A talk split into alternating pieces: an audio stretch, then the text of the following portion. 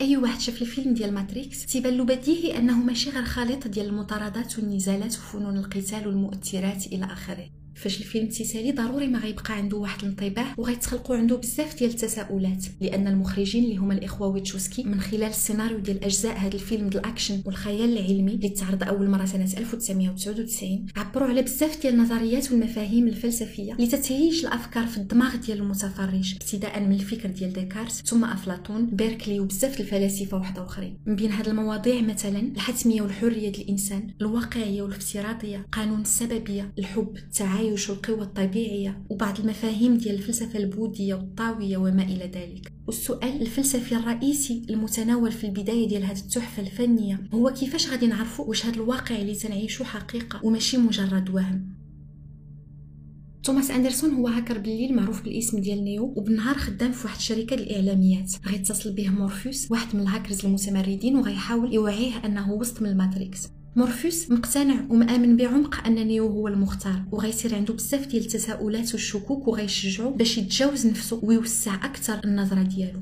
أول نظرية تلفت الانتباه في هذه القصة هي نظرية الحلم والحقيقة ديال ديكارت اللي تتبان في اللقطة اللي فيها نيو تيطرح سؤال على واحد من الأشخاص اللي موالف تيتعامل معاهم وقال له واش عمرو جاك داك الإحساس ديال ما عارفش راسك واش فايق؟ أو راك مازال تتحلم. أي واحد تيكون سبق له اختبر هذا الإحساس اللي عاش نيو ولو غير مرة واحدة في حياته. تيوقع لك أنك تتكون فايق وتدخلك الشك واش راك مازال ناعس وغير تتحلم. هاد النوع ديال المواقف تيثيروا تساؤلات بحال ياك ما حنا أصلا عايشين لداخل ديال شي حلم أو محاكاة ديال واحد الحقيقة وحدة أخرى اللي ما عندنا حتى شي فكرة عليها. فاش تبدا تشك في هاد الأشياء ما تتبقاش متأكد فين كاين الحدود بين الحقيقة وبين المحاكاة ديال الحقيقة. ما تتبقاش تلقى أدلة موثوق فيها اللي غادي تعاونك باش تميز بكل يقين الحلم على اليقظة. وما تتبقاش متأكد كذلك أنك عشتي حقيقيا كل ديك الأشياء اللي أنت عاقل عليها واللي عرفتيها عن طريق الحواس ديالك اللي تتكون مسؤولة على الفهم ديالك لهذا العالم اللي بالنسبة لك واقعي وحقيقي.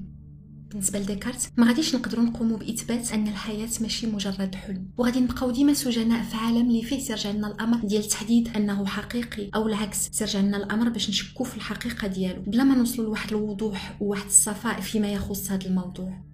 وبما أننا تنستوعبوا الواقع عن طريق الحواس ديالنا الشك في الحقيقة ديال هذا الوضع تظهر في اللحظة اللي فيها تناخذوا بعين الاعتبار الاحتمالية ديال أن الحواس يقدروا يقوموا بالتضليل ديالنا. ديكارت تيقول أن الحواس هي وسائل وأدوات مشكوك فيها وما يمكنش الاعتماد عليها 100% من أجل الإدراك والفهم ديال الواقع اللي داير بينا. لهذا خاص تتم الإعادة ديال النظر في المعرفة اللي تتكون جاية من جهته إلا شي نهار شي واحد شعر أن الحواس ديالو قامت بالخداع ديالو غادي يكون من الحذر ما يعتمدش بواحد الشكل كامل على واحد الشيء اللي قام بالخداع ديالو ولو غير مرة واحدة في حياته. على هذا الشيء تيقترح كحل باش تعرف الأشياء اللي تنتمي للحقيقة من الأشياء اللي تنتمي للأحلام تكون كافي بالنسبة له تقوم بالتحويل ديال العواطف والمنطق ديالك على الشيء المشكوك فيه من أجل تحديد الوضع ديالو. ثم خاصك تقلب على الحدود ديال هذا الشك عن طريق الشك في كل الأشياء حتى تلقى شي أساس متين اللي غادي يكون قادر يقاوم هذا الشك. فاش نيو تلقى مورفوس وجات الفرصة باش يسولو شنو هي الماتريكس. هاد الأخير جاوبو أنها كاينة في كل الاماكن تيشوفها فاش يطل من السرجم فاش تيشعل التلفازة. تيحس بها فاش تمشي للخدمة أو الكنيسة فاش تدفع الضرائب. الماتريكس هي العالم اللي تيشوفو بوضوح وتيعميه باش ما يشوفش الحقيقة. نيو تيتساءل اين حقيقة؟ مورفوس جاوبو الحقيقة ديال أنه مجرد عبد. وهنا غتجي اللقطة اللي فيها مورفوس يقول نيو أنه إلا بغى يكتشف الحقيقة فخاصو بنفسه يقوم بهذا الأمر. ولازم اذا يختار. خاصو يتخذ أهم قرار في حياته. اللي ما يمكنش يتراجع عليه. يا إما يختار الكينه الزرقاء ويحبس كل هذه التساؤلات والشكوك وغتكون عنده الإمكانية ديال النسيان والعيش في الأحلام الورديه ديالو كما يشاء. أو يختار الكينه الحمراء ويبقى في البلاد ديال العجائب ويتعرف على المجهول المخيف اللي هو الحقيقة. مورفيوس هنايا تيمثل داك الإنسان اللي في القصة ديال الكهف أفلاطون غادي يرغم على واحد السجين أنه يخرج من هذا الكهف. هذه القصة هي فقرة في الكتاب السابع ديال الجمهورية ديال أفلاطون اللي فيها هذا الأخير تيوصف واحد الحوار بين سقراط وغلوكون حول العلاقة ديال الإنسان بالمعرفة. في هذا الحوار سقراط تيقترح أننا نتخيلوا واحد المجتمع صغير عايش في الأسفل ديال واحد الكهف. الأفراد ديال هذا المجتمع تيتزادوا كلهم مربوطين باش ما يخليوهمش يشوفوا إلا في الحيط اللي قدامهم. هاد الأفراد أو هاد السجناء عاشوا حياتهم كلها بهذا الشكل وتعتبروها حياة آمنة عادية وحقيقية. تيدوزوا وقتهم تيلعبوا ألعاب ديال شكون غادي يتعرف الأول على الظلال اللي تتعكس قدامهم في الحيط مثلا بحيث أنه كاين موراهم واحد العافية اللي تتعكس لهم أنواع وأشكال ديال الصور والظلال قدامهم. وهاد الظلال هي كل ما عرفوا وكل ما شافوا طول حياتهم. ولكن شكون تيتحكم في هاد الظلال؟ سقراط تيقول أنهم أشخاص اللي الدور والوظيفة ديالهم الخداع المستمر ديال ديك السجناء اللي بالنسبة لهم ديك الظلال تتجسد المنطق وعندها أنواع ديال المعاني وما تيكونش عندهم اطلاقا المشكل مع الحالة ديالهم. تلقاو دائما مبررات وشروحات منطقية اللي بها غادي يكونوا فكرة على الوضع ديالهم وعلى الحقيقة اللي هما واعيين بها. هاد الأشخاص المربوطين في الكهف هما حنايا لأننا اولا وقبل كل شيء بالنسبة لسقراط وأفلاطون مجرد ألاعيب ديال الحواس ديالنا ثم ديال المظاهر والصور والأحكام والآراء والعقائد والتقاليد والحضارات والثقافات إلى آخره. حنايا عبيد ديال كل هاد الأشياء هذه اللي تتمثل الواقع والحقيقة بالنسبة لنا. في القصة ديال الكهف تلاحظوا أن ماشي الشمس هي اللي مسؤولة على انعكاس ديك الظلال اللي تتصنع صور على الحيط اللي قدام السجناء. هاد الصور ما تجسدش أشياء حقيقية تنتمي لخارج الكهف. ديك الظلال تتعكس صور مصنوعة من طرف أشخاص محددين اللي تيقوموا قصدا بالخداع ديال السجناء. وسقراط في الحوار كان تيدير إشارة للسفسطائيين اللي كانوا بارعين في ديك الوقت في الخطابات واللغة والحوار مع أفراد المجتمع. سقراط يقول انهم كانوا تعرفوا كيفاش يقنعوا الأشخاص في جميع الظروف أن الوهم هو حقيقة ومن غير السفسطائيين الكثير من الشخصيات يقدروا يجسدوا هاد الأشخاص. الميديا والصحافة والسياسيين مع الجماهير مثلا الفنانة مع المعجبين رجال الدين مع المتدينين إلى آخره. أي واحد تصنع صور ومظاهر وتخدع بهم عدد كبير ديال الأفراد. أفلاطون وسقراط تعتبرونا شعب منغمس في الأوهام وصعيب بزاف أو حتى مستحيل الإنسان يوعى براسو وسط من الكهف بما أنه ما تيكونش عارفو أنه عبارة على كهف. ولكن في القصة ديال سقراط غيجي من برا ديال الكهف واحد الشخص اللي عارف الحقيقة وغادي يقترح على واحد من السجناء يفكلوا السلاسل ديالو باش يخرج على برا. هاد السجين في البداية كان حذر وخائف وما غيقبلش اطلاقا يخرج على برا. ولكن داك الشخص الحر غادي يرغم عليه الخروج بلا ما يتسنى الموافقة ديالو. هاد السجين فاش خرج في البداية ما قدرش يتحمل يشوف الشمس مباشرة. عينيه كانت تتحرقو بمجرد أنه يحلها لأنه عمرو شاف الضوء الحقيقي ديال الشمس. ما بقاش قادر يشوف مرة وعذباتو بزاف هاد القضية. كان خاصو وقت من أجل التأقلم والتكيف مع الوضع الجديد ديالو ومن بعد ما تقبل وتكيف مع الحقيقة الجديدة اللي سيعيش هاد السجين قرر أنه يرجع للكهف باش يحرر السجناء الآخرين ويتقاسم معاهم نفس المعرفة اللي ولات عنده.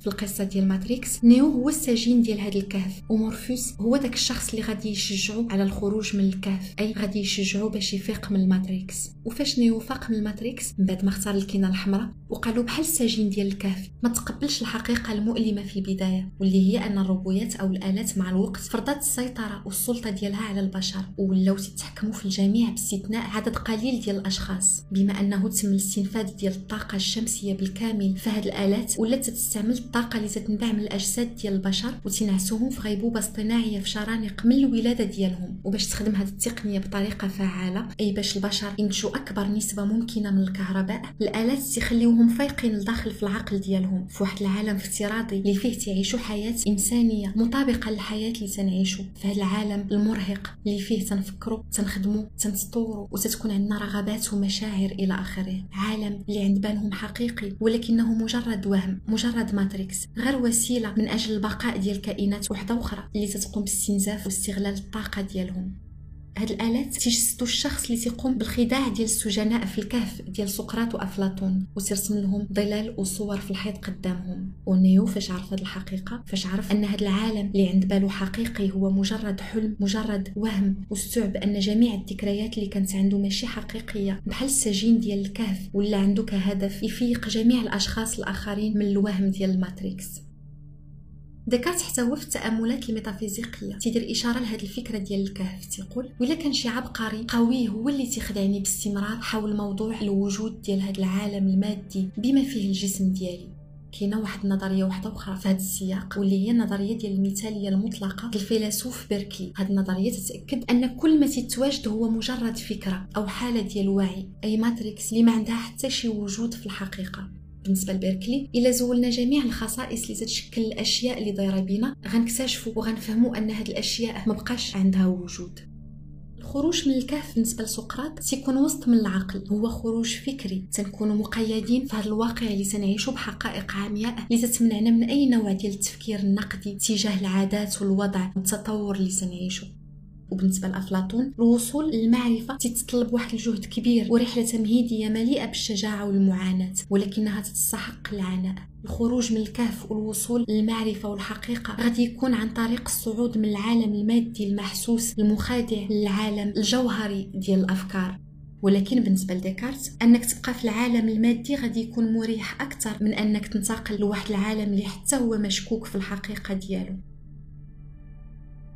ديكارت انتبه لواحد الجانب مختلف وأساسي واللي هو الراحة والسعادة ديال البشر. الفيلم حتى هو تيناقش هذا الجانب وتيطرح هذا السؤال. شنو اللي مهم أكثر الحقيقة أم الراحة والشعور؟ هذا هو الدور ديال سايفر بحيث أنه ندم اللي تحرر من الماتريكس ندم أنه خرج من الكهف. الحقيقة بالنسبة له ما تستحقش كل هذا العناء والقتال. حقيقة اللي فيها أوضاع مزرية. على هذا الشيء قرر أنه يدير تحالف مع سميث برنامج اللي الوظيفة ديالو الحماية ديال الماتريكس من المتمردين بحال نيو ومورفيوس. سايفر غادي يطلب من سميث انه يرجعوا للعالم الخيالي ديال الماتريكس في ظروف مريحة ماديا ينسيه في الحقيقة ديال أنه عايش في الوهم ديال الماتريكس وفي المقابل غادي يعاونوا باش يقوم بالقبض على مورفيوس. هنا تتطرح المشكلة اللي كاينة في الفلسفة البوذية. البشر هم سجناء ديال دورة الأوهام والجهل ديالهم بهذه الدورة تيزيد يخليهم يبقاو محبوسين فيها ومعتمدين كليا على التفاعلات الخاصة ديالهم وعلى الأوهام اللي تتوفرها لهم التجارب الحسية وكذلك على الإسقاطات الحسية الاخرين هاد الإسقاطات وهاد التوقعات تعزز من خلال الرغبة في الاعتقاد ديال أن داكشي اللي تنبغيوه يكون حقيقي هو فعلا حقيقي. هاد الرغبة القوية هذه هي اللي قامت بالإغواء ديال سايفر ما بقاش قادر يتحمل الصحراء ديال الواقع وبغى يرجع للعالم ديال الأحلام. ومع السنين ولا مقتنع أن السعادة والراحة تتكون في الجهل ديال الإنسان بالحقيقة اللي تعيش. أما سميث اللي واعد سايفر بحياة مريحة في الماتريكس وتيقوم بالحماية ديال هذا الماتريكس ما بقاش قادر يتحمل يبقى مجرد عميل في عالم اللي بالنسبة له إنساني جد إنساني. هادشي تيبان في اللقطة اللي فيها تيقول تنكره هاد الكوكب هاد الحديقة ديال الحيوانات هاد السجن هاد الحقيقة. كما كنتو تتسميوها. الرغبة الوحيدة اللي عندي هي نتحرر منها. وهذا الشيء اللي قال سميث على العالم الافتراضي. سايفر تيقولو على العالم الواقعي تيفضل أنه يعيش عبد سعيد في العبودية ديالو على أنه يكون تعيس في العالم الواقعي. الموضوع الثاني الرئيسي في الفيلم هو الأهمية ديال الاختيار. هذاك اللي ما تتهربش منه البشرية كلها بحيث أنه مستحيل عدم الاختيار. والرفض الاختيار في حد ذاته حتى هو تعتبر اختيار. الاختيار ديال عدم الاختيار. الجوهر ديال الحياة الإنسان تتلخص في الأسباب والنتائج ديال الاختيارات اللي تيدير. من البداية الفيلم ونيو تيتعرض للمواقف اللي فيها تيكون خاصو يختار بين جوج ديال الأشياء ودائما تيكون خاصو يواجه النتائج ديال الخيارات ديالو. العالم تيتحرك بالقانون ديال السبب والنتيجة ديال هذا السبب. على هذا الشيء العرافة ما كانش تتجاوب فعلا نيو بالرغم من المعرفة اللي عندها على الأسئلة ديالو. كانت تدفعوا للطريق ديال التطور والتغيير وافتعال أسباب اللي غادي تؤدي لنتائج جديدة. ونيو كشخصية مقتنعة أن عندها الحرية ديال الاختيار وأنه من بعد ما تحرر من الماتريكس ولا هو المسؤول على القرارات والأحداث ديال حياته غيكتشف من بعد فاش مشى عند المهندس أن عاوتاني ديك الحقيقة اللي عند بالو حقيقة هي مجرد وهم. المهندس غادي يوعيه بالواقع ديال أنه هذه المرة السادسة اللي تعيش فيها هذه الأحداث. المرة السادسة اللي تيقوم فيها باتخاذ نفس القرارات. غادي يفسر له كذلك أنه مجرد خلل متأصل في النظام ديال الماتريكس اللي مازال مستمر في الوجود بسبب عدم قدرة الآلات على تبسيط المعادلة ديال الحرية اللي تتميز بها الإنسان واللي تتمثل في إمكانيات الاختيار اللي عنده. الاختيار ديال الأشياء بعض الأحيان تتكون غير منطقية وهذه الحرية هذه تتنبع من الحالة العاطفية ديالو. النبضات العاطفية تتأدي بالإنسان يقوم باختيارات غير منطقية وغير متوقعة بحال كيما دار نيو فاش اختار الحب على حساب البقاء ديال الجنس البشري. نيو خرج من الوهم ديال الماتريكس باش يكتشف أنه في وهم واحد آخر. المهندس مصلحته أنه يخلي نيو يقوم ببعض الفوضى من أجل ضمان الاستقرار ديال الدورة هذا النظام القائم. ولكن شنو المعمول ناحية الفخ ديال الوقوع في الوهم من بعد الخروج من الوهم؟ الوقوع في الوهم تيبقى دائما ممكن طالما أن الحقيقة ما تجيش من التصحيح ديال الخطأ. ما تيكونش كافي تشخيص ديال واحد الوهم من أجل ضمان الخروج منه. إلا كانت الحقيقة ديال الماتريكس المدركة عن طريق الحواس ديال مورفيوس موضوع ديال الشك. الحقيقة اللي قدمها لنيو على أساس أنها ماشي وهم حتى هي مدركة عن طريق الحواس ديالو وحتى هي غير وهم. الغياب ديال ادله قوية تقوم بتوسيع النظام ديال هذا الوهم باش يولي تيشمل الواقع كامل اللي ماشي حقيقي ولكنه تم التعرف عليه على أنه حقيقي. القصة كلها مبنية على الثنائية ديال لين وليونغ الثنائية التكاملية المتناقضة والمتناغمة اللي كاينة في الفلسفة ديال الطاو. ما يمكنش يكون يين بدون يونغ وما يمكنش يكون يونغ بدون يين. هادو جوج ديال القوى المتناقضة اللي تتندمج وتتصادم باستمرار مع بعضياتها وتتخلق التوازن اللي تطور وتحافظ على الحياة بكل الانواع ديالها وعلى كل ما تتواجد في هذا الكون. لين تيجسد مثلا الليل السكون الماء واليونغ تيجسد النهار الحركة النار إلى آخره. هاد الثنائية في الفيلم تتجسد مثلا في العلاقة بين العرافة الأم ديال الماتريكس والمهندس الأب ديالها. العرافة هي برنامج اللي تطمح للتغيير والتطور والكسر ديال الدورة المتكررة اللي تتخليهم يعاودوا يعيشوا نفس الأحداث. بينما المهندس هو برنامج اللي تهدف للحفاظ على التوازن ديال النظام القائم والتكرار ديالو. تتجسد كذلك في الصراع المستمر بين نيو وسميث هذا الأخير تعبر على الرغبة ديال الموت والدمار إلى آخره بينما نيو تعبر على الرغبة في الأمل والإصلاح والحياة. هذا القانون ديال الين واليانغ تيبان كذلك حتى في المسألة ديال أن البشر محكوم عليهم يقوموا بالخدمة ديال الآلات إلى الأبد. ولكن بدون البشر ما غاديش تكون الطاقة اللي غادي تسمح للآلات بالبقاء. وبدون الآلات ما غاديش يكون وسط ديال العيش ملائم ومناسب للبشر. البشر والآلات اذا هما عبيد واسياد ديال بعضياتهم. هاد الثنائية الطاوية ديال الين واليانغ تتجسد كذلك في الحتميه والعبثية ديال الماتريكس اللي تتمثل النظام ديال هذا الكون. نظام مستقر اللي تتكون مع عناصر غير مستقرة والتغيير عمره غادي يكون مستحيل فيها بالفضل ديال وجود واحد النسبة ديال العبث وسط منها.